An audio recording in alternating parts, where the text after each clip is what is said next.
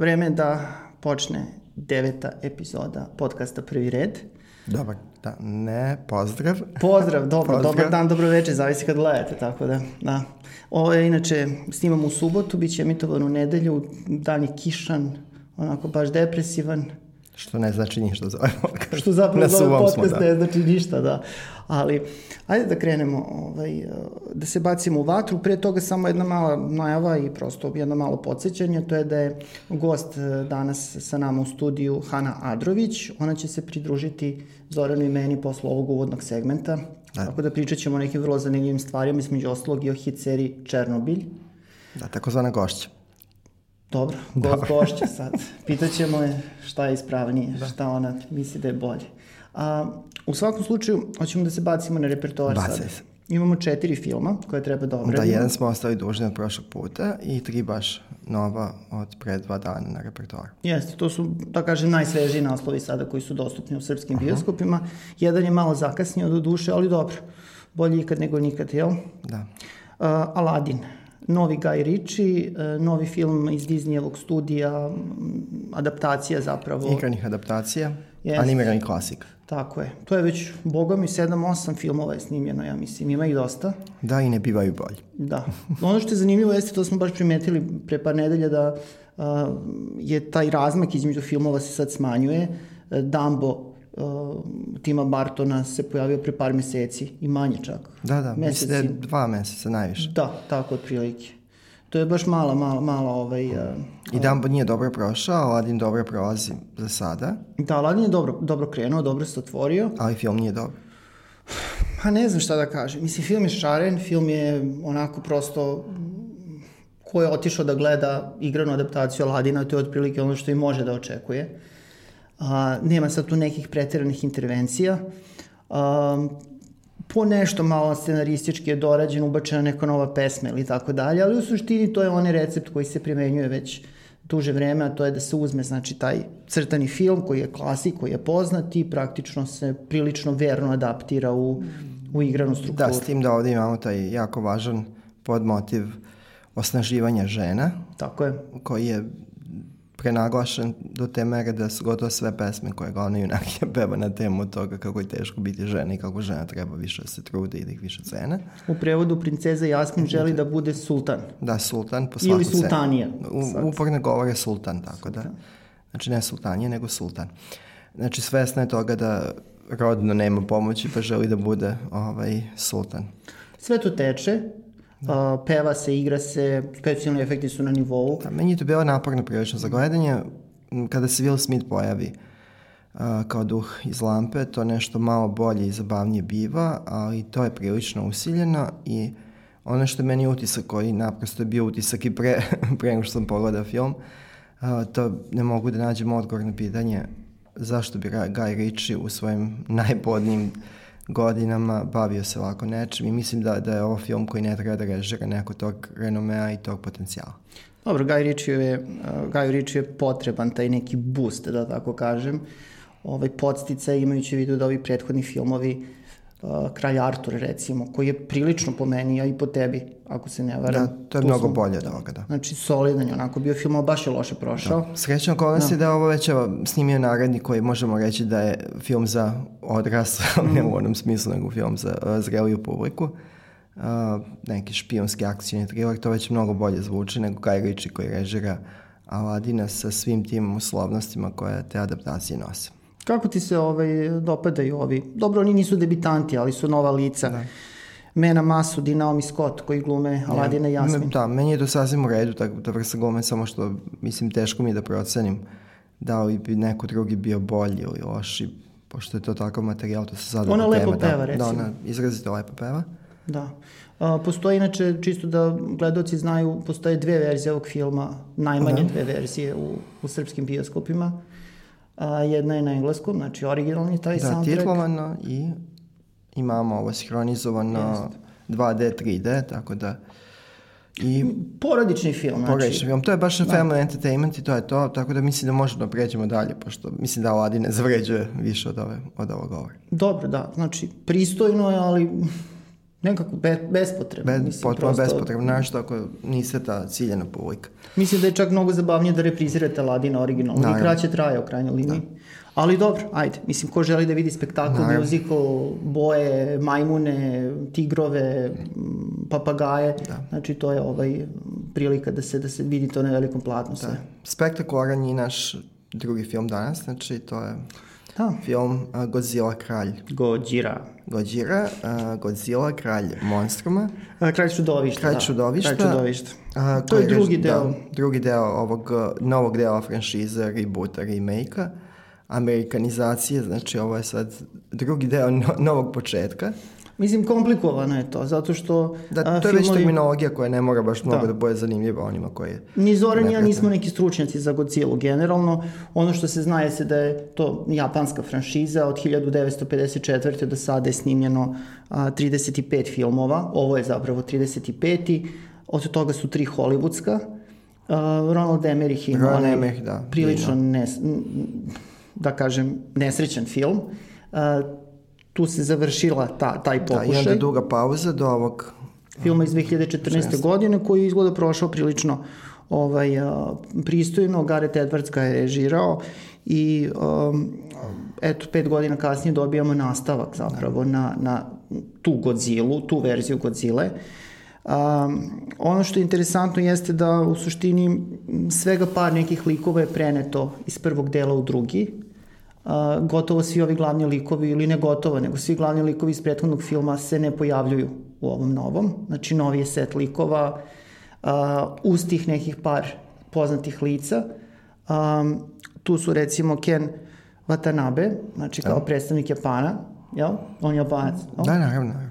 i uh, Sally Hawkins koja je tu dovedena da reprizira tu ulogu iz prethodnog filma. Ja se iskreno, evo, ja se ne sećam iz prvog da. dela. Ali morao je da bude tu, pošto je sad umeđu vremenu nema nominacije za Oscar, što malo kao diže kulturni ovaj, uh, kulturni kapital Jeste. ovakvoj vrsti filma. Oni su onako to nakrcali poznatim nekim Ali glumcima, zanimljivo je da mimo toga podela je prilično televizijska, znači u glavnoj ulozi je Kyle Chandler koji snima dosta na, uh, na vel, za veliko platno, ali ipak je najprepoznatljiviji kao trener Taylor iz Yes. serije Friday Night Lights i uh, kao glavni junak uh, serije Blood, uh, Bloodline.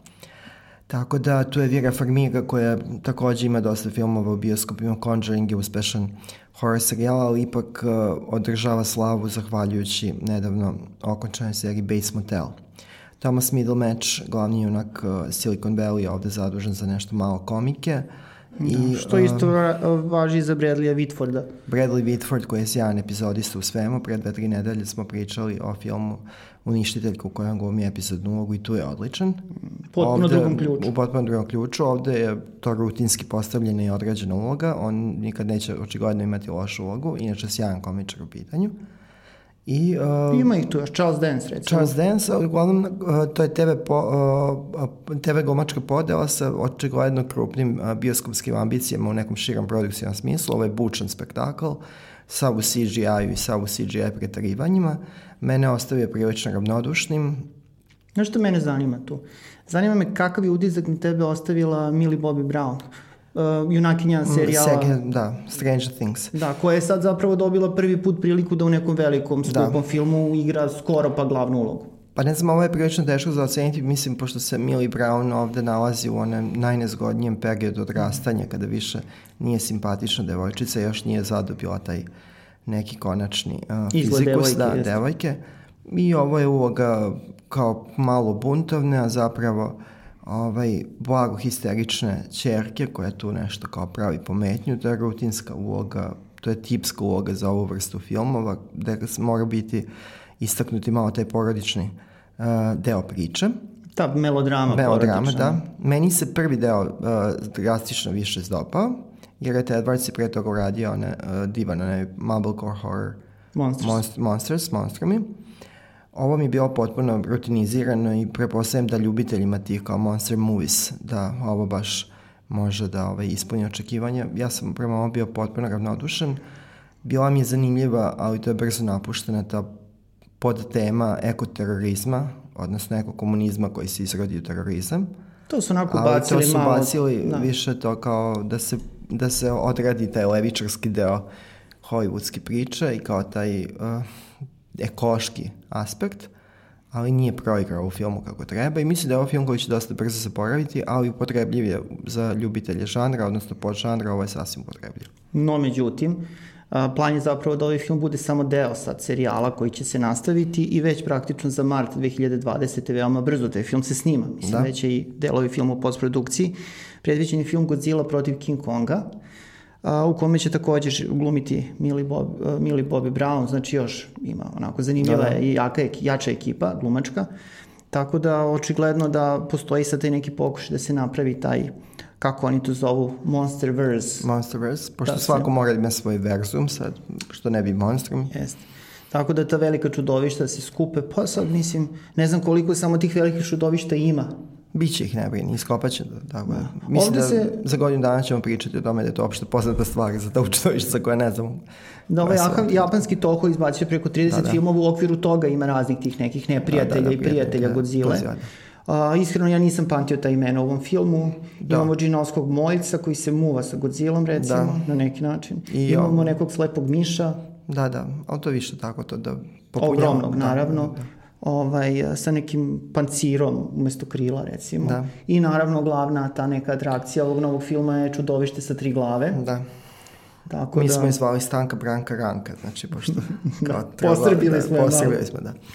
Ali, znači, ajde da pređemo na uh, film nedelje, ono što je definitivno najbolje, mada i četvrti film je dosta, dosta dobar i jak je uh, konkurent u toj trci za, za film nedelje, mada je potpuno drugačiji. Uh, Treći film je ubedljivo, znači najprivlačniji uh, uh, naslov novi na repertoaru. Uh, je uh, Evo, film Rocket Man, uh, biografski film o Elton Johnu. Ovo su propovi, znači, za tu vrstu zabave. Ovaj, budući da je Elton John bio poznat, jeste poznat i po svom ekscentričnom odabiru uh, naočara. Tako je. Ovo je zaista izvanredan film, meni je ovo 5 od 5, meni je ovo možda najbolji musical score, skorije, definitivno, yes, znači i za razliku od Bohemske rapsodije koja ima hiljadu mana, a osim uh, po nekih drugih mana, uh, Rocket Man je zaista musical, a ne film sa dosta muzike što je Bohemska rapsodija bila. Znači ovde se dobar deo radnje saopštava kroz muziku, kroz muzičke tačke, koreografisane unutar dramskih situacija. Da, oni su taj film Tako nazvali da, muzičkom fantazijom. Muzička fantazija i ovo je zaista izuzetno u svakom pogledu. Znači, ako ga gledamo i kao biografski film, dosta toga se saznaje o Elton Johnu, njegove ličnosti. On je producent filma, ali uh, mislim da nije, uh, po, uh, nije bio oštar u toj nekoj autocenzuri kako sebe da prikaže gledalcima. Ima dosta tu i mraka i nezgodnih strana. I mislim da je ovo kao dovoljno intelektualno pošten film za ovu vrstu uh, filma. Film delo je dosta pošteno. Pošteno, da. U smislu da prosto kad gledate, znači vidite ima to romantizacije, naravno i more biti, ovo onako prilično jedan veseo film, poletan, bez obzira na taj mrak koji tu postoji. U suštini onako je feel good movie, naročito kad se sve sabere da, na se dosta i na ove britanske društvene komedije, znači da prizore iz uh, uh, blago komične, dramske uh, prizore iz života britanske mahom uh, srednje i niže srednje klase i u svakom pogledu funkcioniše, odlične su koreografije, Taron Egerton je izvanredan u, u naslovnoj mm. ozi, divno peva, Da, što to je jako bitno film da jako naglasiti peva. da on zapravo u filmu i peva te numere. Da, fizički je Jest. izvanredno ovaj, uh, spreman i ima brzu fizičku reakciju. To je za tako mladog glumca kome ovo možda deseta uloga krupnija sve skupa zaista pravo čudo. I ja sam ovo baš neizmerno uživao u ovom filmu i uh, mislim mi ostala podela mi je bila sasvim na mestu. Richard Madden, za koga se priča da će verovatno biti naredni James Bond, glumio zloglašenog Johna Rida, uh, Eltonovog ljubavnika i dugogodišnjeg menadžera. Uh -huh. uh, on je onako sigurno suveren, očekivano iznosi, ali zaista ima tog nekog čvrstinu koja je neophoda za tako nezgodan lik. Bryce Dallas Howard, koji mi do duše nismo prepoznali, ulozi majke je uh, prilično zanimljiva. Da, da, zanimljivo, zanimljivo je postavljen taj lik. Da. I zaista, ovo je film, znači, o kome možete da naučite nešto o Eltonu Johnu. Ja, evo, lično nisam ljubitelj njegove muzike, poštujem ga kao neko ko je uspešan u svom poslu, ali nisam ljubitelj njegove muzike, ali može dosta da se nauči o njemu i ima tu feel good crtu i Dexter Fletcher evo sad u svom drugom i po pokušaju je pokazao da je zaista izvanredan kao reditelj. On je režirao film sa Terenom Edgertonom Medije zvani Orao, odličan film. Izvanredan.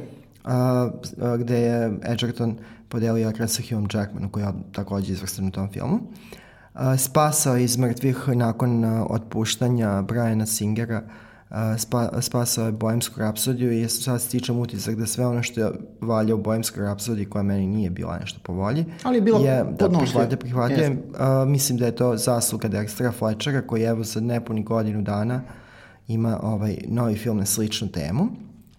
I moramo pomenuti da je Matthew Vaughn britanski mm. reditelj na čestom uh, osustvu u Hollywoodu a, ovde producent. I, I da moguće on, odac da, deteta Jenny Jones. Da, moguće odac. Je to razrešeno na kraju? Pa mislim da nije, a mislim da nije ni važno. ovaj, a, to treba i da znaju mi, da prepostavljamo ovde da nastavimo da živimo bez tog saznanja. Uh, on je ovde producent i on je ponovo producent i uh, odlična znači ta sinergija Matthew Vona i Dextera Fletchera jer opet imamo znači odličan biografski film kao što je Eddie Zvani Orao koji je zabavan, duhovit i uh, jako, jako maštovit. To je jako važno za uh, musical, ovo je prilično maštovit u svakom pogledu, a u sve te svoje vrednosti na nivou, znači kinestetskog, ovo je film koji može mm. publika da gleda bez ikakvih predznanja, bez tog unošenja u finesi da kaže da je ovo zaista izvrsno. Jeste, sednete, uživate. Inače, I divno trajanje. Da, dva sata. Dva sata. Skoro knap, krugo. To je, da, skoro krugo, to je zaista sjajno za ovu vrstu filma. Elton John je zapravo pogurao ovaj film i on je negde možda i 10 i, i više, skoro 20 godina zapravo on pokušava da, da, da se uradi biopik po njegovom životu. Um, bili su neki pokušaj, neki planovi, um, čak prve, prvobitno je bilo planirano da Justin Timberlake glumi Eltona Johna, to je bio izbor Eltona da. Johna, zatim Tom Hardy, to je sve otpalo i mogu reći... To su loši izbori, naravno. Srećom. Srećom, ali onda je pomoglo što se uh, Elton John pojavljuje u ulozi samoga sebe, u maloj ulozi u Kingsman u drugom delu, mm. gde je Teron Edgerton i čak dele tu, ekran i tu se napravio ta sinergija i ovaj spoj, zaista spoj najboljeg onog što britanski film ima sa tom nekom hollywoodskom ugođenošću koju obezbeđuje neki bolji budžet, a ovde je 40 miliona dolara, što jeste ovaj, prilično za, za naše pojmove fantastično, ali ovaj, za ovu vrstu izazova mislim da je dosta skromno. Da, film to je zdrav jedan budžet u smislu da će film najverovatnije biti veoma isplativ. A što se tiče te ekipe iza filma, eto, bilo bi sramota da se ne pomene scenarista. Uh, Lee Hall, koji je inače najpoznatiji po filmu Billy Elliot, je ovaj, pisao scenariju za ovaj film, jako se dobro pokazao. Uh, interesantno da je ta spona, znači između uh, Lee Halla i uh, Rocketmana Jamie Bell. Jamie Bell je... u važnoj ozi Bernie Talpina, znači tekstopisca Eltona Johna. I prijatelja I prijatelja koji već neko 4-5 decenija rade skupa. Da. Tako da to jako lepo sve funkcioniše u spoju i ono što je isto interesantno jeste da je film onako prilično otvoren što se tiče seksualnosti da. Eltona Johna, nema nekog tu I, uvijanja. Da, i zato je i dobio R-rated, znači Jest. označen je kao R, znači restricted u Americi, a u Rusiji su scene uh, homo, homoseksualnog seksa uh, uh, isečene, Jest. kao i neke aluzije uh, na isto to. Tako da u Rusiji... U Autorska da, ekipa je besna zbog toga, ali prosto da, to je... to je u skladu sa ruskim zakonima o zabrani uh, propagande homoseksualnosti, tako da mogli su da uh, već očekuju tako nešto. Da, ali mislim i sa tim scenama... Možda i zanimljivo vidjeti film sad kad je na taj način štrihovan, ali uh, ovakav kao celina, ovo kako smo ga mi izvorno pogledali, zaista mm. odličan film. Da, i te scene jako dobro funkcionišu da. unutar filma, daju to nešto dodatno prosto. Da. Ovaj, taj, to neko objašnjenje koje je potrebno da se razume, da se razume odnos među likovima. Da. Odličan je, a odličan je četvrti film. Da, moram priznati da zaista evo malo smo duže čekali na film Granice, koji se da. pojavio u našim bioskopima, a premijerno je prikazan pre više od godinu dana na Kanskom festivalu u, ok, u okviru selekcije Izvestan pogled, gde je i nagrađen kao najbolji film iz te selekcije, što da. nije mali, čini mi se, uspeh. Da, i mislim da je ova distribucija kod nas zapravo dobrim delom saobrazna e, datumima kada je krenuo i u svetu. Znači, no, ovi, moguće, ovi, moguće. Filmovi ovog tipa sporije dolaze do bioskopske distribucije, budući da je reč o art house filmu sa krupnim festivalskim pretenzijama. Uh, film je režirao Ali Abasi, uh, film inače u švedskoj produkciji je nastao. Švedsko-danskoj? Da. Ovaj, tako da, um, zaista, um, u pitanju jeste film koji možemo da okarakterišemo kao Nordic Bizarre, Da, recimo. to bi najpreciznije bilo. Da. Jeste. Film je veoma bizaran. Znači, ako ne volite filmove koji su bizarni, koji imaju tako neke malo Cronenbergovske mo- momente, čak da kažem, i ne samo Cronenbergovske, da. ovo izbegavajte ga.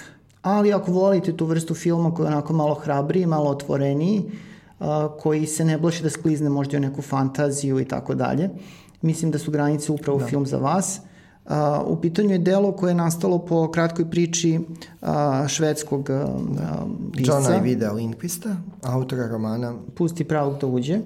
A, kasnije je po tom romanu urađen i švedski film i američki, i američki remake. film i urađen je i pilot za seriju koju TNT na kraju nije prihvatio, tako da mm. za, ostalo je sve na pilotu serije. Da, ali možemo od skandinavaca da kažemo da je to najvažniji horror pisac Naravno. Skandinavije, definitivno.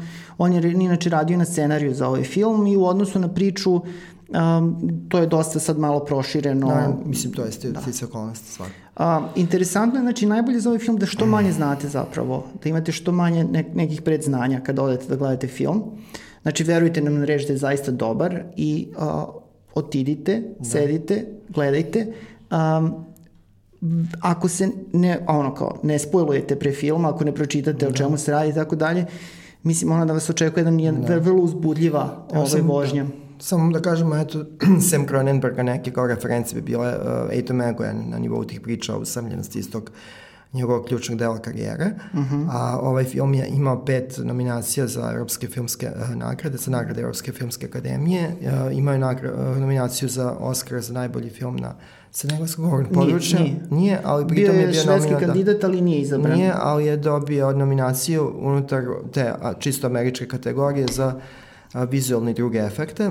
A, i dobije nagradu u Kanu, kao što rečeno. I za masku i da, frizuru. Za masku i frizuru. A, a, ono što je važno da je ovo definitivno najbolji art house film trenutno u ponudi u Srbiji i pošto ovakvi filmovi obično požive dugo na, re, na repertoaru, možemo kažemo da treba da se požuri, da se pogleda, jer zaista izuzetan film. Jeste, zaista, znači topla Evo. preporuka. Sledeće sedmice ćemo malo moći da odmorimo, budući da ima manje noviteta, nešto manje. Uh, animirani film uh, Tajni životi kućnih ljubimaca 2 zapravo počeo predpremjera da se prikazuje ovog vikenda, Mi ćemo, a šest, mi, ćemo da, mi ćemo ga danas gledati i pričat ćemo onda više o tome sledeći put. Uh, počinje da igra i crnogorsko-srpska koprodukcija između noći i dana, reditelja Andra Martinovića, Lazar Istovski, srpski koproducent, on glumi jednu od najznačajnijih uloga, tu je Tihomir Stanić mm. sa ove srpske strane, o tome ćemo naravno pričati. Film je prikazan na festu, a mi ćemo, ka gled, mi ćemo o njemu pričati naravno kada dođe na repertoar, tako da u sledećem desetom podcastu prvi red više i ovom filmu. Jubilar. I najkrupniji uh, naslov je uh, Tamni Feniks, novi film iz serijala Je li tamni ili mračni? Kako mračni, su na kraju preveli? Mislim dobro, sve jedno, mračni tamni. Uh, Dark Phoenix. Dark Phoenix iz serijala X ljudi, koji je Mhm. ovog puta režirao Simon Kinberg, um, scenarista. Tako da ćemo vidjeti kako sve to uh, sada izgleda sa Sophie Turner u najvažnijoj ulozi, a ona je sad postala jako važna, budući da je jedna od ključnih zvezda igre uh, Prestol. serije Presto. Da. Serije igre Presto, da. O kojoj ćemo isto danas pričati u drugom delu U emisije. drugom delu emisije, da, i da vidimo sada kako stojimo sa mm. uh, box office-om. Ajde Domaći krenemo- box office nije nešto pretarano uzbudljiv, Pa nije o- preterano. sasvim očekivano. Da, znači Aladdin, John Wick 3, Prevaranti, Osvetnici Brightburn, to su tih pet prvoplasiranih, mislim prvoplasiranih, na prvih pet da. mesta plasiranih. A što se tiče, ovaj, to je naravno za prošli vikend rezultat, Da, da. nemamo za ovaj predviđanja. A što se tiče ovog vikenda u Americi, predviđanja su već tu fiksirane i ono obično i budu potpuno tačna ili približno Da, mada tačna. ovo je prilično miran vik- vikend Da. u Americi, bez nekih većih iznenađenja. Godzilla će biti prva sa 53 miliona dolara, Aladdin je sad pao na drugo mesto sa 38, ali mislim imajući u vidu da već u Da, svetu zaradio gotovo je 300. 100, da. Mislim u Americi je prešao 100, Da, a u svetu ovaj preko 300 ili tu već negde. I to, je hit. značajno bolje od Dumba. Značajno, značajno. Već je prestigu Damba, da. to nema šta. A, a još uvek se prikazuje. A, na trećem mestu u Americi će biti Rocket Man sa 32 miliona.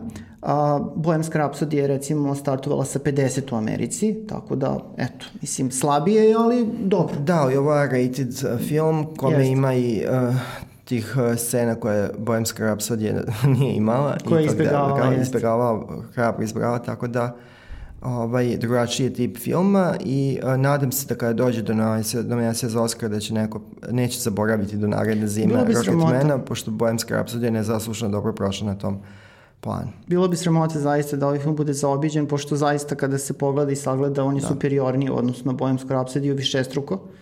I evo, A, na četvrtom mestu je jedan film koji će mi morati da sačekamo do 13. juna. Jest. To je jedan niskobudžetni film za američke uslove sa Octavijem Spencer, već smo ga pominjali u filmu, u pitanju je horror thriller Keva. Ma. Ma. On je zaradio 17 miliona dolara ili će zaraditi, Zaradite. to je procena, što je, imajući vidu budžet filma, mislim, solidno otvaranje. I pet je?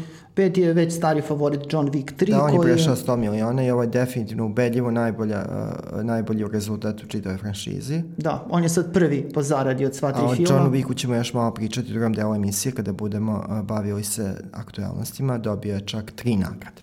Da, e sad koje nagrade, o tome ćemo pričati u drugom delu emisije koji počinje, pa praktično sad počinje. Da, samo da trepnemo i to je to. Tako je. Evo nas u drugom delu desete epizode filmskog podcasta Prvi red. Velika čast. Devete. Devete, aha, devete, da. Ja mi se ubrzao. Deveta i imamo i ovog puta gošću. Čast mi da smo ugostili Hanu Adrović, izvršnu urednicu Slobodne TV, autorku i urednicu čuvene emisije Nešto drugačije. Dobar Zdravo, dan, Hana. ćao, ćao. Hana, kako si?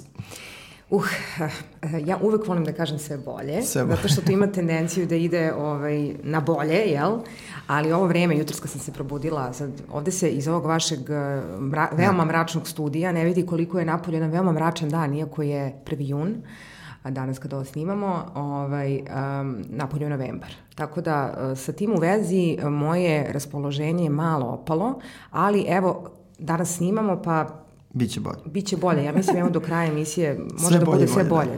da. Mi ćemo se potruditi malo da to onako podignemo. Da Hajde da vidimo. Hanna, da. ti si znači trenutno uh, angažovana, to je deo si Slobodne TV, šta možemo da znamo o tome, šta ti tamo radiš zapravo? Šta je izvršna urednica? Slobodna televizija.rs, znači sve što proizvodimo se nalazi trenutno na uh, sajtu uh, YouTube-u i Facebooku. Izvršna urednica, dakle urednica televizije, uh, to je jedan projekat uh, koji smo onako entuzijastično pokrenuli Boris Malagurski i ja uz naravno veliku podršku uh, Restart kluba koji nas je koji nam je dao snimački kapital za ovaj naš mali projekat koji ne je sve veći kao što se osjećam sve bolje, tako i taj projekat sve veći. Jeste, širimo se. Za sada možemo našim gledalcima da predstavimo svakog dana u, u 18.30 pravi dnevnik, to je uh -huh. naš centralni informativni program. Svakog dana u 14.30 imamo prave vesti, to, su, to je kratka forma to je kao live streaming, pregleda dana, jeste. Um, s tim što, um, dakle, ima, te kratke vesti ćemo emitovati češće, da. malo ćemo biti ažurniji, ali eto, mogu onako ponosno da kažem da mislim da je taj naš centralni informativni program, odnosno pravi dnevnik, uh, zapravo uh, što se informativnih uh, programa u Srbiji tiče možda onako najsveobuhvatniji. Zašto, to, ovaj, zašto kažem najsveobuhvatniji nije tajna kako je stanje u medijima da, u Srbiji, to mislim možemo pričamo samo o tome, ja mislim, cijel podcast da napravimo. Emisija. Ali nije takva emisija, tako je, ali prosto to je nešto što nije prosto, ali to je nešto što moram da kažem jer um, sama ideja i sam naziv Slobodna televizija opet govori i o toj temi, da. ali nećemo dalje o tome. E, dakle, mislim da onako zaista se trudimo da obuhvatimo jednu i drugu stranu, da informišemo gledaoce o svemu i da im dozvolimo da sami donesu svoj Kao i mi zapravo u ovom podcastu da. kada je film u pitanju. Da. Pa da bez stižeš onda da gledaš filmove, serije. Pa stižem. Evo, filmove malo manje, a serije malo više, ali um, mislim da je tako, da je to možda neki trend uopšte, jel? Da, da ljudi malo više gledaju serije, malo manje da, filmove. Da, da, to je zamenilo sad. Ali, mislim, da. jel, te, jel imaš neku kao tu neku tugu što ne, ne gledaš više ili tako? Kad, Imam iskreno isti, da budem. Kad istekne dan pa kažeš nisam ipak. Iskrena, iskrena da budem da. Um, toliko, pošto ja to, mislim, televizija u pitanju, da dosta provodim vremena u montaži, da toliko gledam taj da. o, video materijal, da, za video materijalom, da, da. jeste i oči, da, imam jedan par očiju, jer onda kad dođem kući stvarno ne mogu da gledam još nešto, ali imam običaj da onako izbinđujem, što se kaže, a, serije, Ove, ovaj, volim da ih gledam onako u jednom komadu, kada, dakle, to obično radim kada ne krenem od samog početka da pratim sve ažurno, ovaj, međutim kada krenem uh, da pratim ažurno neku seriju, hoću da se ono isečem što moram da sačekam nedelju dana. Ja da nedostaje odlazak u bioskop češće? Jako mi nedostaje. Ja inače obožavam da idem u bioskop. Da, mislim, je to prava mera zapravo filmu? Znači, uh, mislim, da, da. Sigurno da jeste. Sigurno da jeste. Uh, ne volim da gledam filmove. Znači, serije mogu da gledam uh, kod kuće, na televizoru ili na ovaj, kompjuteru, ali film, nekako imam taj... Um, da to neka vrsta poštovanja prema filmu, ne znam kako yes, bih je nazvala. Meni je to apsolutno samo da njih načo sa meni to bio sjajno. Znači. da, i volim nekako, uh, dosta filmova sam u bioskopu gledala više puta. Još kad sam bila mlađa, nekako da. uh, volim to iskustvo da ponovim. I često idem samo u bioskop. Ne treba mi društvo. Da. To je to zanimljivo, da. Ne, to je zanimljivo, to je divno, pošto mislim pokazuje i samostalnost duha i A i nekako... Spremnost da budeš sama sa sobom u mraku. Kao. I dobra je fora da odeš sam da gledaš film iz razloga što ti baš treba dobro društvo da bi gledao da, neki da, film. Da. Taj neko treba da bude isto to, toliko individualan kao i ti. Evo, da, da. Evo. Da. Ja Eto, imate da tu dobro. da, da, to je sreća. E, blago vam. A reci mi, pa šta si više puta gledao u bioskopu? Joj, čekaj da se setim. Malo sam razmišljala sad kad sam dolazila da. ovamo. Jako čudno. Znači, gledala sam neke filmove, recimo, a, gledala sam recimo Aleksandra Olivera Stona više puta u bioskopu. Mislim da ste od, od redke koja je to da, više puta gledala. Zašto? Zato što taj film, svi, svi su ga nešto da. onako anatemisali. Da. Međutim, meni se, meni se dopao način na koji je taj da. film uh, i snimljen i da. kako je ta priča njegova ispričana. Nećemo govoriti o glumi, da, da. o, o glumi možda nekih od uh, glavnih glumaca I, u tom filmu. Kosi. Mm, Blajhanoj plavoj Blajhu, da, kosi. Blajhu. Inače, hidrogen je u to vreme sigurno bio dostupan. Da, da, ali tamo je Blajh. Jeste. Koleston, taj, taj broj, da. Recimo, taj film sam gledala da. više puta u bioskopu. Uh, A od domaćih? Od domaćih filmova Uh, uh, uh, ja ne mogu da se setim sad šta sam više Dobro, setit ćemo se Setit ću se sigurno, da, da. ali bilo je, bilo je domaći. O čemu onda možemo da pričamo, šta smo pa, pričat ćemo? Da, rekli smo da ćemo da završimo zapravo, zaokružimo danas sa tobom ovu priču o Igri prestola. Uh -huh. Mi smo imali a, pre dve nedelje jedan vrlo, vrlo gledan podcast, naš najgledaniji do sada podcast sa Isidorom Vlasa, gde smo se fokusirali zapravo na ovu seriju i na njen fenomen i to je bilo baš uoči emitovanja ove šeste poslednje epizode. Tako da, uoči emitovanja. Uoči. Uh -huh. Tako da šeste epizodu zapravo nismo još uh -huh obradili, da, a ovo, imali smo čak i neke molbe, zahteve, recimo naša gledateljka Mimi Vlaović je zamolila da se osvrnemo i na to, Isidora nam nije tu, ali si zato tu ti. I znam da seriju pratiš, gledaš, koje je tvoje iskustvo sa ovom serijom, znači jesi ono izbinđovala ili si gledala postupno? I malo naravno da se fokusiramo na, ovaj, na ovu završnicu koja je dosta, dosta kontroverzna. Uh, ovako, što se tiče serije Game of Thrones, Igra prestola, uh, nju sam počela da gledam, ja mislim, kada je prva sezona izašla, 2011. godine, čini yes, se da, se da, da je krenula sa emitovanjem i nisam uh, ovaj, u tom trenutku bila neki veliki ljubitelj serije, tad je taj fenomen tek, ja mislim, bio u svom začetku. To još sa, se lomilo sve. Sa sestrom sam otišla na more, sećam se. I onda je ona, me, ona je ponela na, ovaj, na kompjuteru neke serije i rekla, izašla je ta nova serija Igra prestola, moraš da gledaš, ima nekih zmajeva, ima nešto, neko ludilo. I ja sam rekla, ok, hajde. I šta se desilo? Desilo se u stvari da smo tih nedelju dana koliko smo provele na moru, preko dana bile uh, na, na plaži, a uveče nismo nigde izašle, nego smo nedelju dana Naravno, nije nam trebalo nedelju dana da odgledamo cijelu prvu sezonu, nego smo je odgledale u roku dva dana. Tako da sam tad već postala zaljubljenik u uh, Igru prestola i uh, nakon toga sam, ja mislim, svaku sezonu gledala redovno. redovno, da. Čak sam se vraćala ovaj, sa nekim prijateljima kojima sam preporučivala da pogledaju seriju, vraćala sam se s njima unazad i onda sam ponovo gledala neke sezone. Čak sam nedavno krenula ponovo gledam prvu sezonu u susret, eto baš to je poslednjoj šestoj epizodi osmog serijala, o, o, ove osme sezone serijala. I eto sad verovatno dolazimo do te poslednje epizode. A ja da, te hvata da. neizdrž u smislu kad treba da izađe nova epizoda ili nova sezona? Ja, mogla si da preživiš? Sve zavisi od obaveza koje imam tada. Mislim, ako me nešto... Dobro, ajde sad na, kon, na ovom konkretnom uzorku ove osme sezone. Jel si ima neizdrž kao yes. krenu to? A da mislim da to više bilo... Um, uh, negde zbog cijele te onako fame koja je napravljena da, da. te poslednje sezone. Da, to je nezapamćena fama. Da, zapravo, i moram ja... da kažem da je, da, je, da, da je ta poslednja sezona nekako, imam utisak, cijela ta osma sezona, koliko šest epizoda ima. Šest, šest. Da, da je nekako, uh, odjednom se sve desilo u toj osmoj sezoni. Imam utisak da se nekako, možda četvrta, peta, šesta, se dosta nekih stvari da. razvlačilo, onako što ne znači da je to, da je, to, da je, da je trpelo na kvalitetu serije. Ne mislim da je, ali ta poslednja je nekako mnogo dešavanja imala, čini mi se. I to baš tih nekih najbitnijih dešavanja. Što možda jeste negde normalno za jedan da, da. serijal, da. ali imam utisak da je nekako dosta stvari zgurano u tih šest epizoda. Da, pa dosta se tu neki priča vodi, znači zašto samo šest tih epizoda, zašto nisu, mislim, realno su mogli da urade... To je najkraća sezona, tako. Jeste, prethodno imala sedam epizoda, ova šest, mislim, mogla da bude bar deset epizoda, minimum, ništa ne bi tu trpelo, naprotiv. Ali izgleda su i ti ugovori isticali s glumcima, da su svi hteli da krenu dalje i onda su to ovaj, nagurali zapravo. Šteta. Da. E pa to, ta reč šteta, mislim da je možda i ključna. Um, ljudi su primetili već da je sedma sezona kao malo slabija bila. Ja i ne toliko, meni je to bilo korektno, sasvim. Onako... I meni je sedma bilo okej, okay. Nem, nemam nešto sad mm. tu da se poželim. Onako... Kao recimo što sam sad na osmu na prvu loptu, evo mogla da ti kažem mm. par stvari koje su mi zasmetale. E, pa ajde, ajde, reci. A, pa evo kažem, dakle, uh, ne mogu sad da se setim tačno koja epizoda, u kojoj epizodi se šta tačno desilo u osmoj sezoni, ali ima nekak utisak da, i čak i ta velika bitka ovaj, sa... Uh. Da, uh, mislim, ja sad Treći epizod. Pošto nisam čitala knjigu na srpskom jeziku, ja ovo nije izraze, u. Ne, ne, nego pričamo o izrazima, ovaj, ja se sve izražavam na engleskom, ono, Night King, mm, uh, White Walkers. White Walk, da, dakle, nećete mi zameriti, nećete mi zameriti što ću tako da se izražavam. Um, o, imam utisak nekako i ta, uh, i ta epizoda je nekako bila ok, kao sve su spakovali u jednu epizodu, od početka do kraja smo gledali samo to, ona je nešto duže trajala, čini mi se sat i... To je najduža za epizodu serijalu, skoro sat i po. Skoro, skoro sat, i po, da, da, skoro sat i po.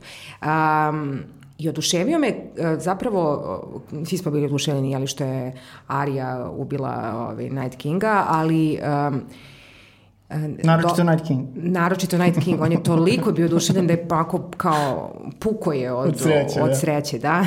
ovaj, A, šalo na stranu, a, bilo mi jako interesantna a, a, sa Melisandrom taj moment, a, gde smo stvari shvatili da je ceo Arin trening u stvari bio, bio u stvari da, da uradi to u toj epizodi.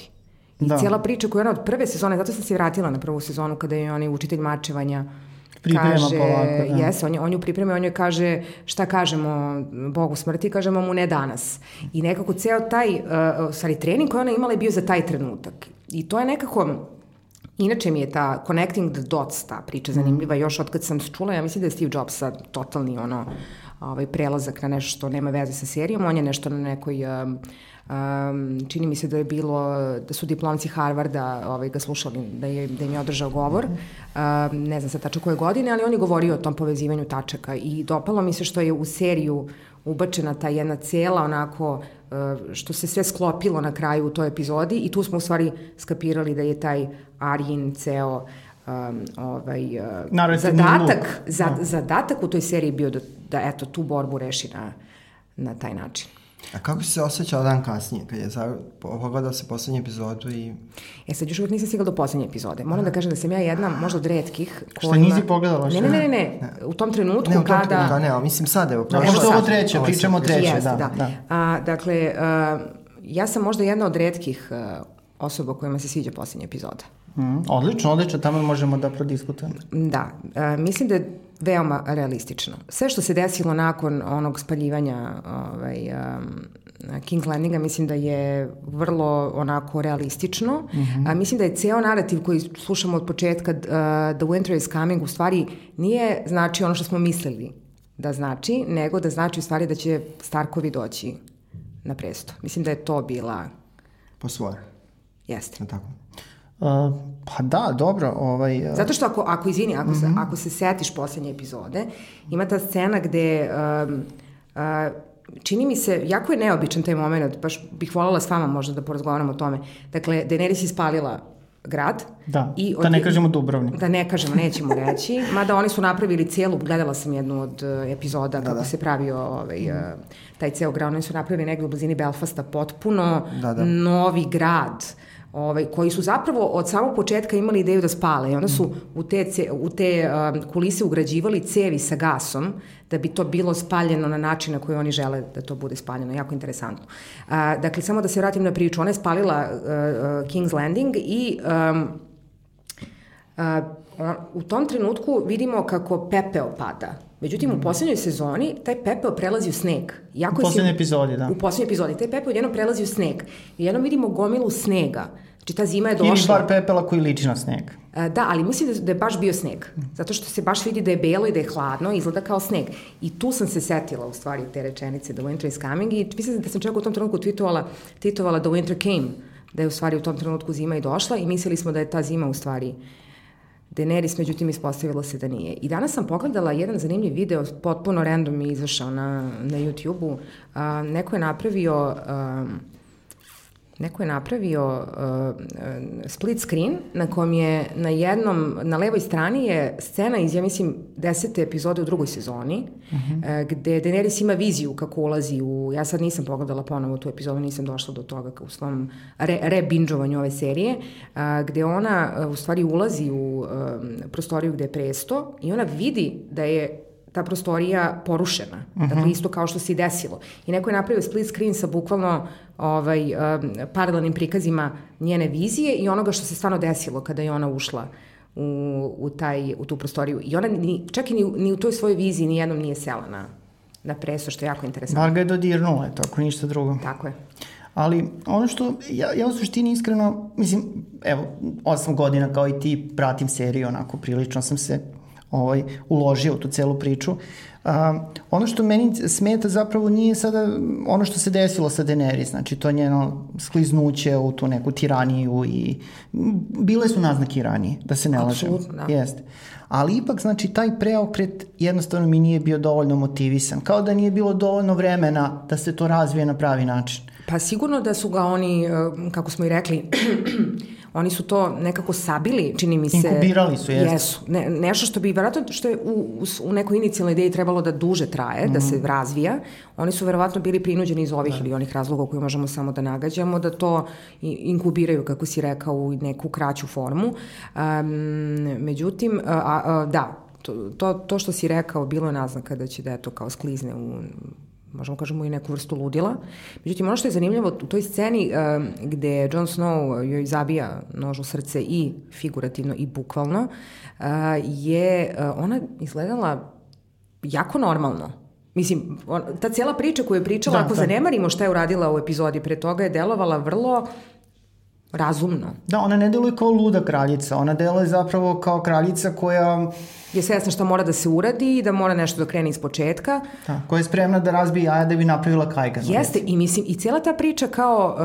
Uh, ona stvarno nijednog trenutka nije kraljica, ona jeste kalisi, mm. mislim, ona jeste kraljica nekih divljaka. Ona je od samog početka to bila, nije ona nikad nijednog trenutka nas zavaravala da će da bude, mm, da kažemo, kraljica na način na koji je Srsi bila kraljica. Mm. Srećem. Potpuno su drugi, srećem, da one su potpuno drugi tip. Mada su se na kraju prilično približile negde zapravo. Ja mislim da, da, apsolutno. Mislim da čak, čak su neki onako sa setom gledali na vladavinu Cersei, bili su fazona, to umereno luda kraljica, a ne luda kraljica. Nije bila baš toliko masovno nastrojena kada je ubijenje. To da nije mizoginja, ne?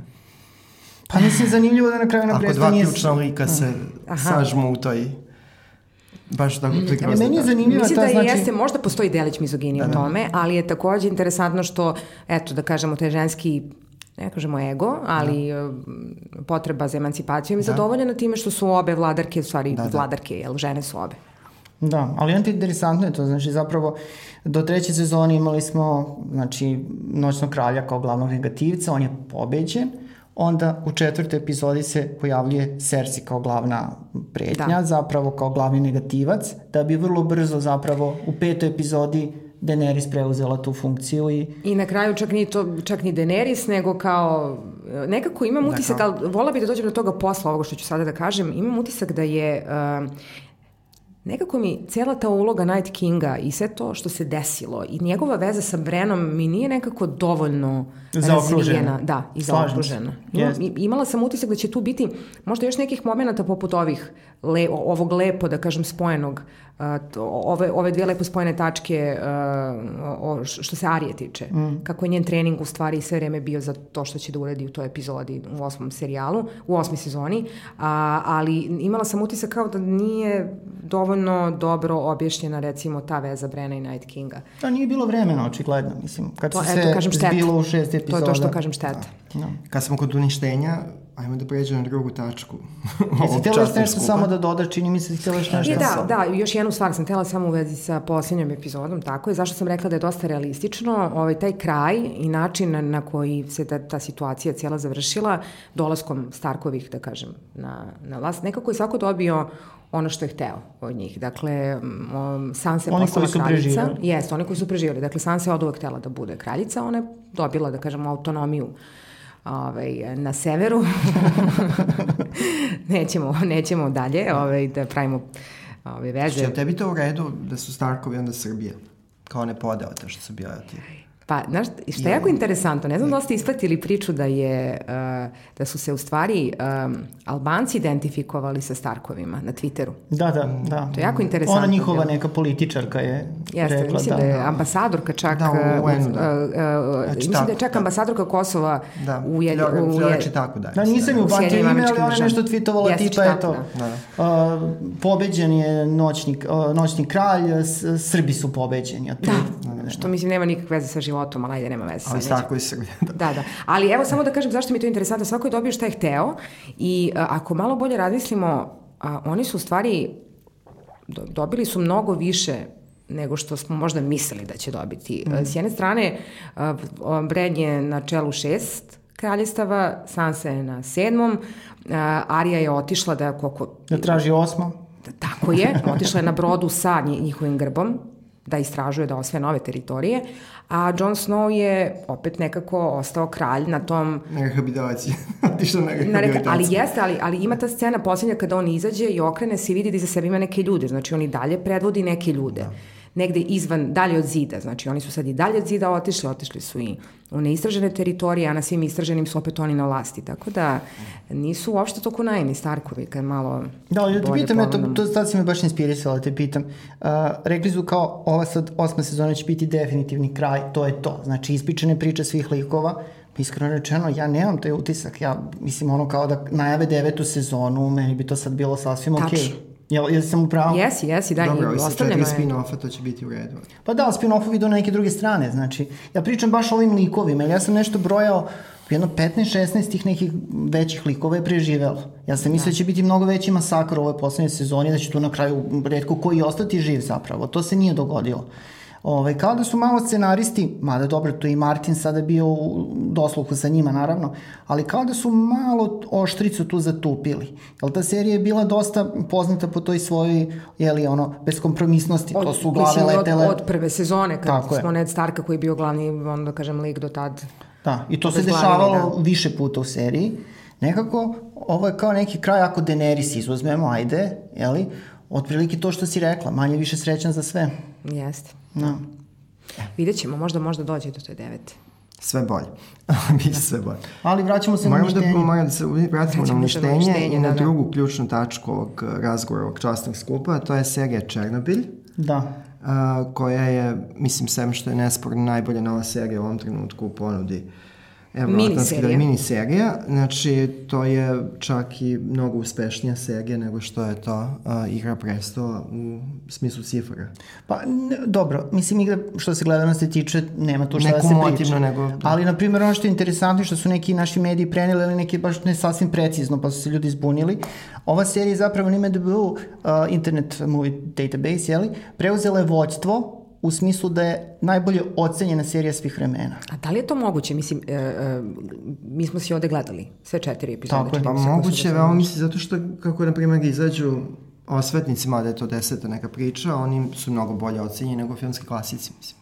Da. Dobro, ali znači- ovaj, evo recimo konkretno ako pričamo o brojkama, a, Černobilj ima 9,7 na IMDb-u, to je onako baš, da. da, teško može Ispod njega, znači ima nekih serija i tako dalje, ali sve su sad to malo slabije ocenjene. Serije, na primjer, a, jedan od naših favor- favorita Breaking Bad ili Mhm. Čista hemija, kako je preveden kod nas, i Igra prestola, oni nam, na primjer imaju 9,4. Dobro, ali... Jedna je- sjajna serija, da. isto HBO, da. ako se ne varam, Žica, on ima 9,3.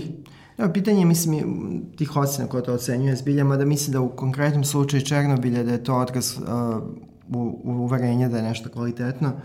budući da nije to neki hollywoodski hit, da. pa da čitava mašinerija ljudi negde se... Dobro, mislim da možemo... Bangladeš udara klikove. Možemo da se svi ovde saglasimo, da. znači ovaj, da je ovo zaista kvalitetna serija i posebna serija. Uh, da, I meni je jako interesantno da takva jedna serija dobije tolike ocene. Baš yes. to što si ti rekao, jer kao, ok, Avengersi kad izađu, pa kao... Da, da ponese emocije ljudi. Jeste, da. ili mislim, i to su stvarno, da kažemo, onako spektakli u tom nekom smislu da, um, specijalnih efekata i tako dalje, a ovde su specijalni efekti na neke druge načine Da, mislim da je ovo korišćeni. bio malo i reakcija na to što HBO zapravo preusmerio se od True Blood da. Uh, igre, pre, igre prestola da se preusmerio na te uh, serije, na da. spektakl, a onda je zapostavljen taj deo tih mračno mrtvoozbiljnih serija, pa da je kao to bilo vratite nam vreme žice, vratite nam vreme ono Deadwooda, istinski HBO, ja. pa čak i one serije iz 80-ih, pa i Entourage bi došao na tu. Da. Na tu, pa je to neka emotivna pa, reakcija grad. da seks grad, ovaj, jer to je seks, kategorija za sebe. Seks grad tu je već krenuo taj kao neki, nazovimo ga populizam, da. ali ovo Černobilj je zaista pružio nešto drugačije. Da, Mislim, da. nije ovo jedini, uh, jedini igrani sadržaj ovog tipa. Meni na, na, pa, na pamet pada onaj film ovog uh, Mika Jacksona, The Day After, o, nuko, o nuklearnoj kataklizmi koji mm. je kao meni kad sam bio dete predstavljao veliki svog jeze tokom 10-15 godina. Černobi jeste jeziva priča, to meni je ovo zbilja jezivo. E, jako interesantno, da. odlična priča o, o, o ljudskoj prirodi, da. o mislim da je gomila e, oduševljenja koje polazi iz ove serije kada ljudi gledaju, u stvari možda je neka vrsta olakšanja da. što kada odgledaju vide, sad meni je jako teško da pričam o nekoj seriji da je ne spojlujem, tako da Naravno. molim vas da me upozoravate ako uđem u taj mislim mod. Mislim da je generalno Pa mislim da je Fair Game. od pet epizode, da. tako da... Fair Game je osnovom da. rađena na istorijskim nekim činjenicama. Nije tako je, nećemo otkriti da, nešto što se ne zna. Ne otkriva se topa voda. Znamo da je eksplodirao. Mislim. Jeste, da, ali, ali recimo uh, uh, neki od detalja u toj seriji pokazuju koliko je to moglo da bude jedna veća katastrofa, mm. mnogo veća katastrofa i da se to nije desilo i mislim da ljudi uh, reaguju tako tim, tom nekom vrstom oduševljenja prema seriji zapravo zato što su oduševljeni kako u stvari se nije desila mnogo veća ekološka katastrofa od one koje se... Da, mislim, naravno, ovo malo igra ljudima na toga, to, da. Mislim, na osnovu serije i ovaj, toga kako su, a koliko sam mogla da vidim iz onog segmenta nakon, se, eh, nakon svake epizode koji se čini mi da, se da, zove posle, Inside da. the ne, Elements of Chernobyl, da, čak, da. Eh, gde u stvari pričaju o tome šta jeste zapravo ovaj, istina i šta je, koji su elementi uključeni u ovu seriju. A, tu smo mogli stvarno da vidimo da, da je moglo da dođe do ozbiljnije da. katastrofe. Mislim da ljude pobudilo to što kao konačno imamo tu kao human interest, ono, kao to što se zove, znači, kao priča koja di, uh, dira ljude na nekom elementarnom ljudskom uh, ne, nekoj ljudskoj tački, znači ne u smislu da li se saosećamo s ovom ili onom vojskom ili šta mislimo da bi pravedan ishod bio, nego nešto što može da se desi i što uh, predstavlja to.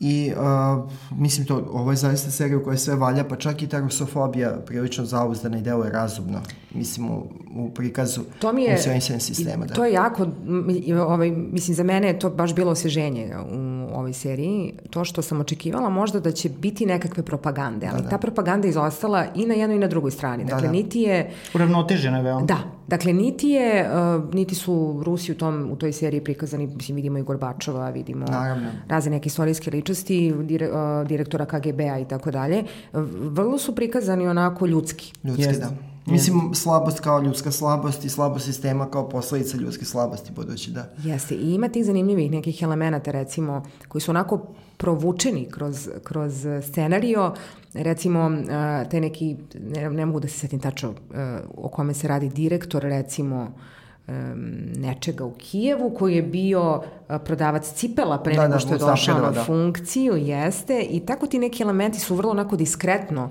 provučeni da. bez nekih direktnih osuda. Osuda, da. da. Pošto me karijerizam je opšte, opšte mesto. Evo neki podatak o seriji, ukratko čisto da, da pređemo i to.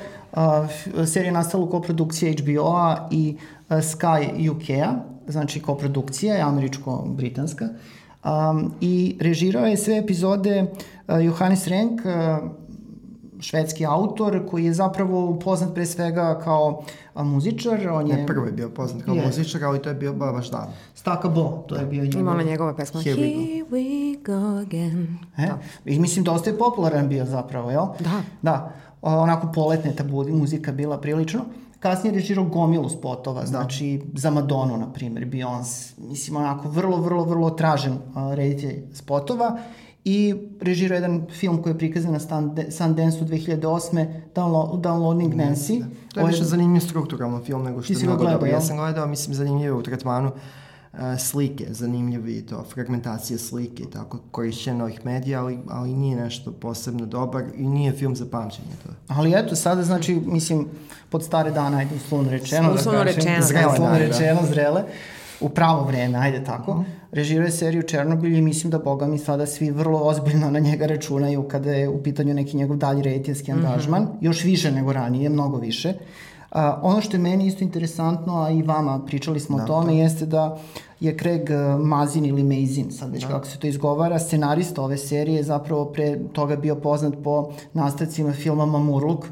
Znači, reži, uh, radio scenariju za Mamurluk 2 i 3. Da. Uh, za 2 i 3, ja mislim da nije za, za jedinicu. Uh, što je nešto potpuno, potpuno da. drugačije, odnosno jednostavno ne možete povezati to. Tako da, eto, neki su se prave očigledno to okolnosti da. poklopile. Hmm, zanimljivo mi je, u stvari sad kad si pomenuo Mamurluke, ovaj, oni, čini mi se da jedan i, da i sva tri dela, ili, ili možda se varam, ispravit ćete me, imaju jako zanimljiva ta neka dramatuška rešenja. Uh, u smislu da se ide unazad da se rekonstruišu da, događaji. Prva dva sigurno, da, za treći se ne Ako pogledamo i ovde se rekonstruišu događaji da. u Černobilu.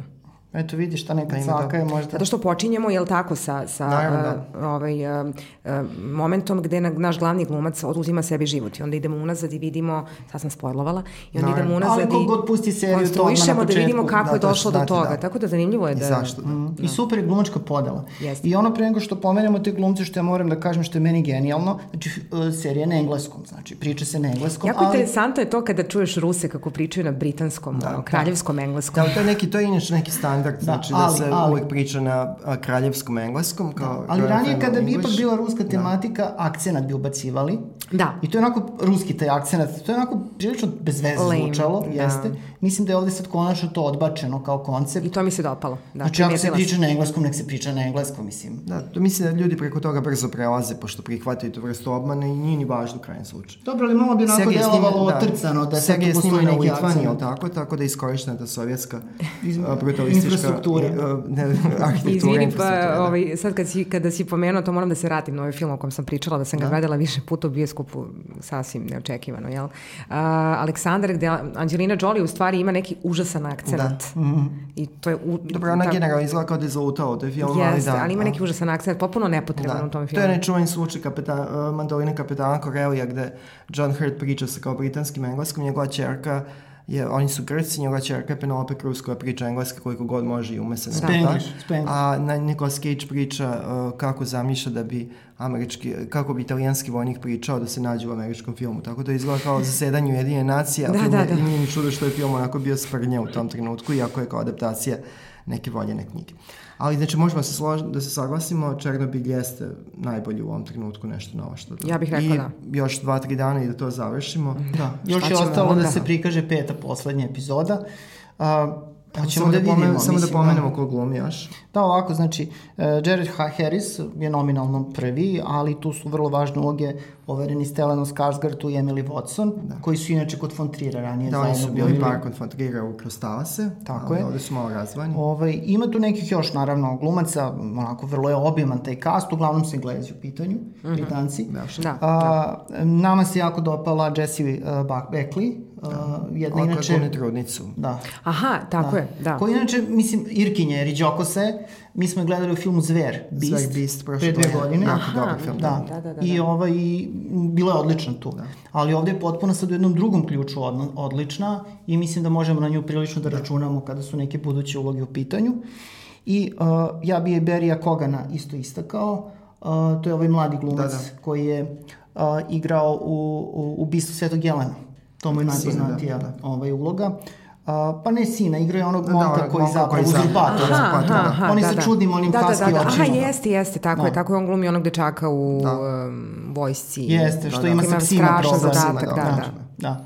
Tako da, eto, da, baš na primjer... se pokušavala sam da se setim odakle mi je poznat, sad si me pa da, To je sad malo i višak sadržaja, pa sad treba povezati to kao yes. connecting the Ali dots. vrlo, vrlo upečatljiv, upečatljiv, da. upečatljivog izgleda, da. Ali mnogo se gleda i mnogo se snima, pa se onda malo to i faktografija izgubi, to je sasvim u redu. I gluma izvanredna, ako ste primetili, da. nema preglumljavanja uopšte. Uopšte, Vrlo da. je svedeno.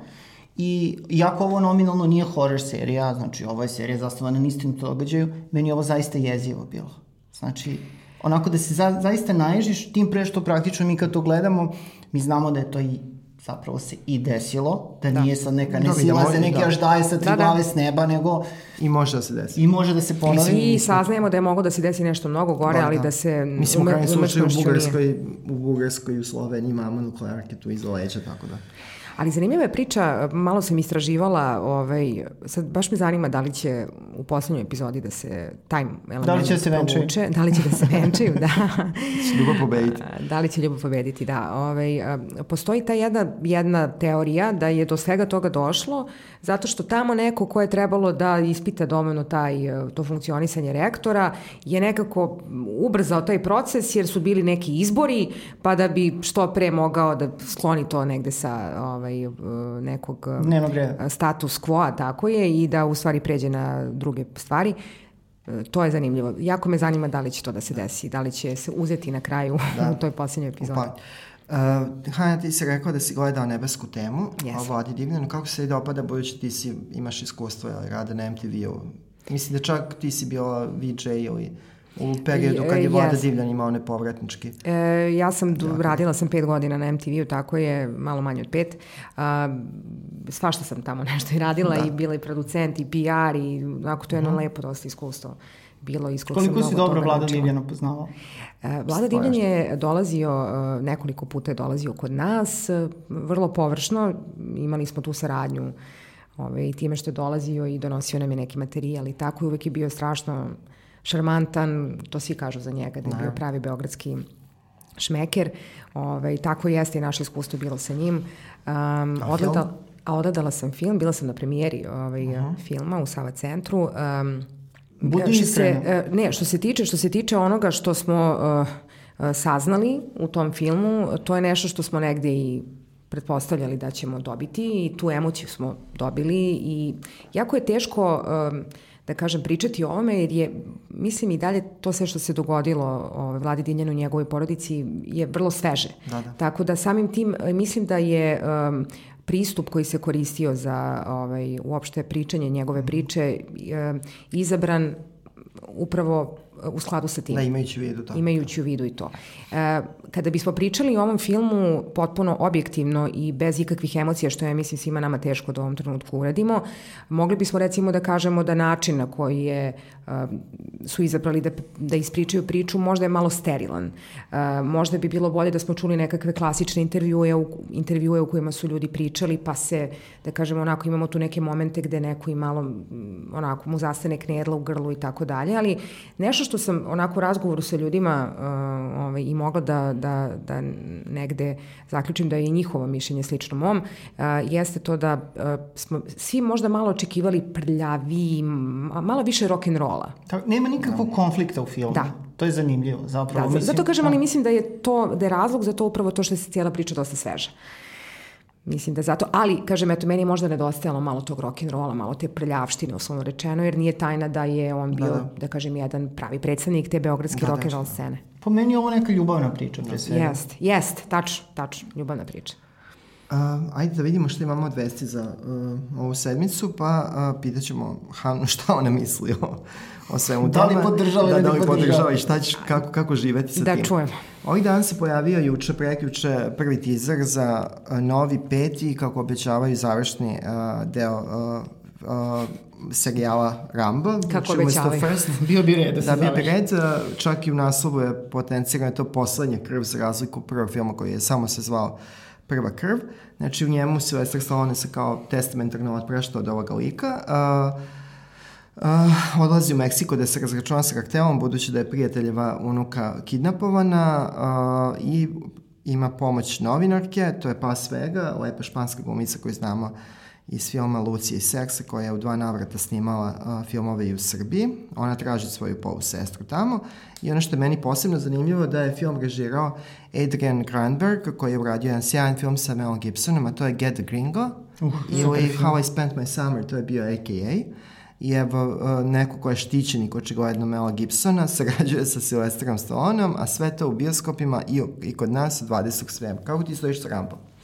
Uf, ne baš najbolje. Ne baš Za mene je Sylvester Stallone više Rocky nego Rambo. Dobro. To je, to je sasvim u redu podel. Da? da, da. A Cobra? Uf. Dobro, ali Cobra je jedan film, ipak to nije da. film. Nije, najavili su seriju. Seriju Cobra, da. Koliko da. nastavaka je imao Rocky? Čini mi se... Mi smo se malo pogubili sad da. zbog ovog. Ja, ja mislim šest najmanje u regularnom. Pet i sad dva. Da, pošto je kao ima sad i spin-off sada.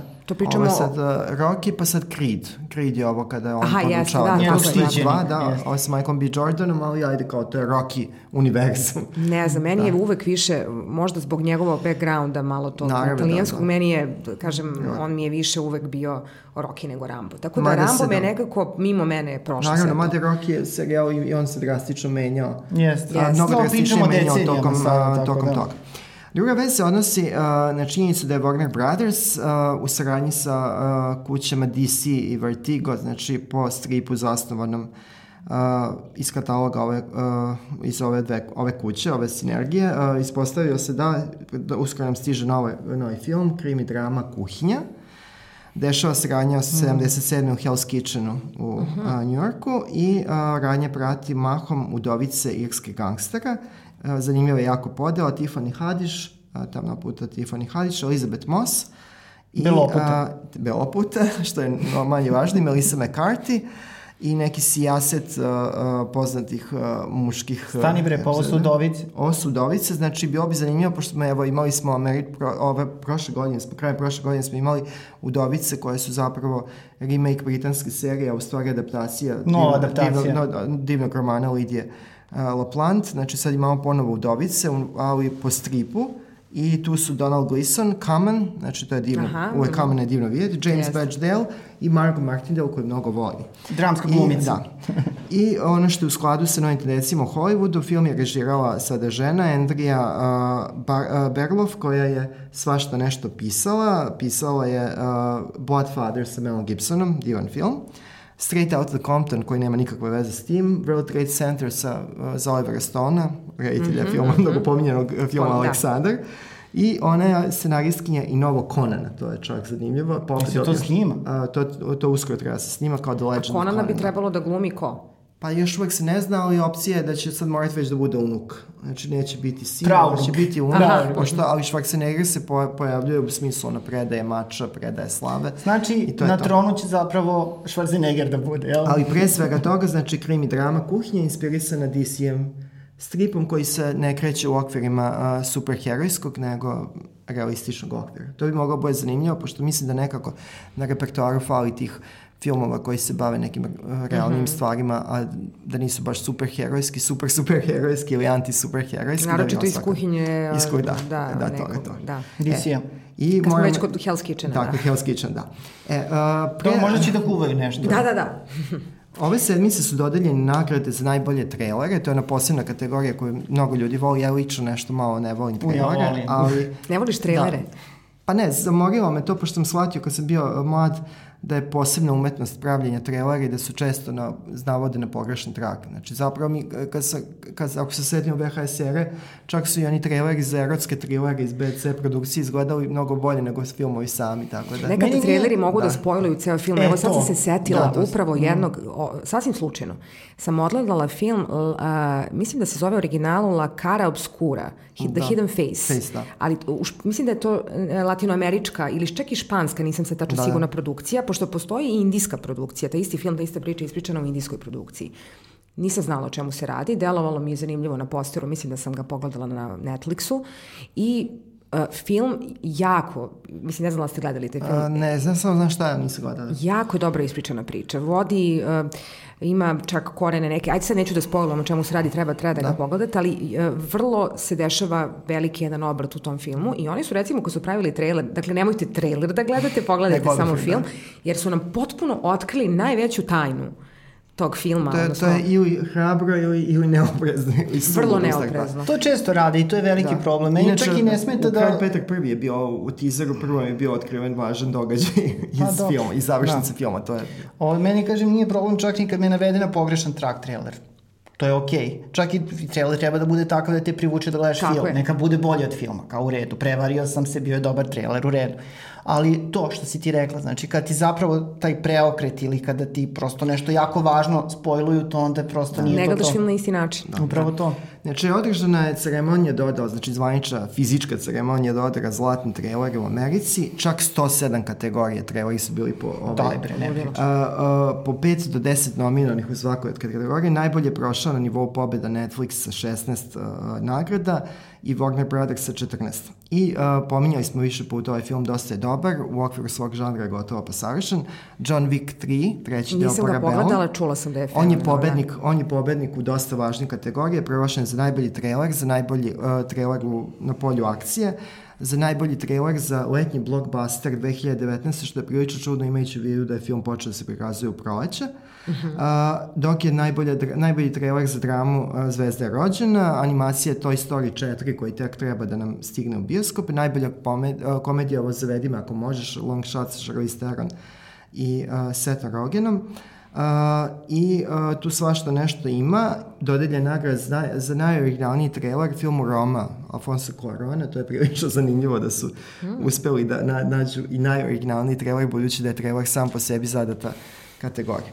E, ali šta nas još čeka? Čeka nas nova verzija uskoro filma Rebeka. Uh, uh, svi znaju, to jest većina ljudi zna Rebeku ponajpre kao dobar, odličan Hitchcockov film, a reč je o romanu Daphne de Maurier, veliki Daphne de Maurier. Sada Ben Whitley, koji se odlično pokazao u adaptaciji Ballarda u romanu uh, High Rise uh, za Netflix i britanski working title radi novu, pro, uh, novu adaptaciju ovog romana. Divna je podela. Uh, Lily James, Kristin Scott Thomas i Arnie Hammer. I tu su End Out koji volimo iz serija Leftovers i uh, Sluškinjina priča. Sam Riley uh, i sve to treba da izađe do kraja ove godine i ostatak kasta je britanski uh, i sjajan, tako da mislim da ovo može biti dobar jako film. Daj Bože. Pitanje je šta će biti naravno kada dođe do sezone nagrada zbog tih problema koje ovi koji dele nagrade imaju sa Netflixom zbog njihovog načina uh, uh, distribucije filma. Ti voliš Rebeku, gledala si staru Rebeku? ili? Volim, da, je baš me zanima kako će da bude Da. ova adaptacija. Mislim da I sve- uvek i to sa, sa adaptacijama je malo... Jeste. Jeste, Pogotovo kada su takvi filmovi u pitanju i ovaj, istorijski. Da, Mada je zanimljivo ako se znači vrati na roman i pronađe neki ugao koji u romanu postoji, a nije ranije korišćen, to bi moglo... Možemo bi da da pomenemo bude da, je, ove, a, da je pre nekoliko meseci na srpskom se ponovo pojavio Rebeka, tako da može da se a, pribavi se to to paralelno- Pa, paralelno pojav, da, tako da, Ma je ništa to, to nije strašno. Ništa to nije. Ne. E, pobednik Kana, severno-korejski film Crna komedija a, Parazit, našao je američkog distributera, tamo će krenuti 11. oktobra. Znači, ovaj film Bong Joon-ho, koji nam je podario divne filmove kao što su Host, uh, Okja i Snowpiercer, između ostalih. Kod njih kreće u oktobru, mi nažalost ćemo morati da sačekamo Fest. Znači, to, Pa, dobro to, sad. je to. Sačekat ćemo, bit će filmova, bit će života, ali treba sačekati budući da je sad ovo već desetak meseci a, pred nama, jer u ovom filmu se zaista sve a, divno čuje. I ako Bog da istreće junačka, Da. sledeća deseta jubilarna emisija prvog reda će biti posvećena Kanu i filmovima koji su tamo prikazani, tako I da... koji su srećenci imali da pogledate. Ja ovog puta nisam ispratila ovaj kanska, kanska dešavanja i dodelu, ali evo, sa ćemo zadovoljstvom ću pogledati vaš Da. deseti po redu jubilarni Ili podcast, podcast, i da. saznaću nešto novo. E, I evo za kraj ovih uh, in, inostranih vesti, moj ljubimac Adam Sandler uh, po, uh, u julu počinje u Bostonu da snima novi film za Netflix, to je iz paketa njegove kuće Happy Madison. To je za- preko uh, veze Da, vest. preko veze vest. Znači sve što ima veze sa Adamom Sandlerom je zanimljivo. I uh, ponovo je uzeo, re, on ima tu potrebu da se okružuje poznatim ljudima, svojim prijateljima. Steven Brill koji je režirao film uh, Mali Niki ovaj put režira. Uh, zanimljiv je zaplet, znači on je uh, radi u prodavnici sendviča i delikatesne robe, uh, postaje slučajni svedok, svedok ubistva u mračnom delu grada i sve to kao ura- urađeno u formi krimi komedije, a film se zove Mužićev noć, Mužićeva noć veštica, malo je teže na srpskom, Habi Halloween mnogo bolje zvuči. Ali zanimljivo, znači pričali smo već da Adama Sandlera uskoro gledamo u tom spufu na teme uh, Agate Christie sa Jennifer Aniston, to već za dve sedmice stiže. Ali, Isto na Netflix. Da, isto na Netflix. A, to je za, da, za dve, za dve, dve i po sedmice, 15 dana, a meni je posebno zanimljivo a, ta struja a, unutar filmografije Adama Sandlera, gde on, on stalno, svako malo radi te indie art house filmove i daje prilično sebe, tako da ćemo ga uskoro gledati u filmu, novom filmu Braće Safti. To je film koji se zove Uncut Gems, Nebrušeni biseri.